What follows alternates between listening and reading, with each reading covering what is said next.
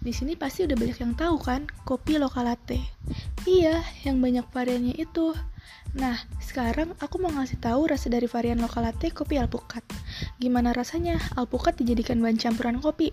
Nah, rasanya itu nggak seburuk yang kalian bayangkan. Lokal latte kopi alpukat ini mempunyai rasa yang unik dan sedikit harum, tetapi dia memiliki aftertaste yang sedikit pahit seperti rasa pahitnya menempel di lidah setelah 5 detik diminum.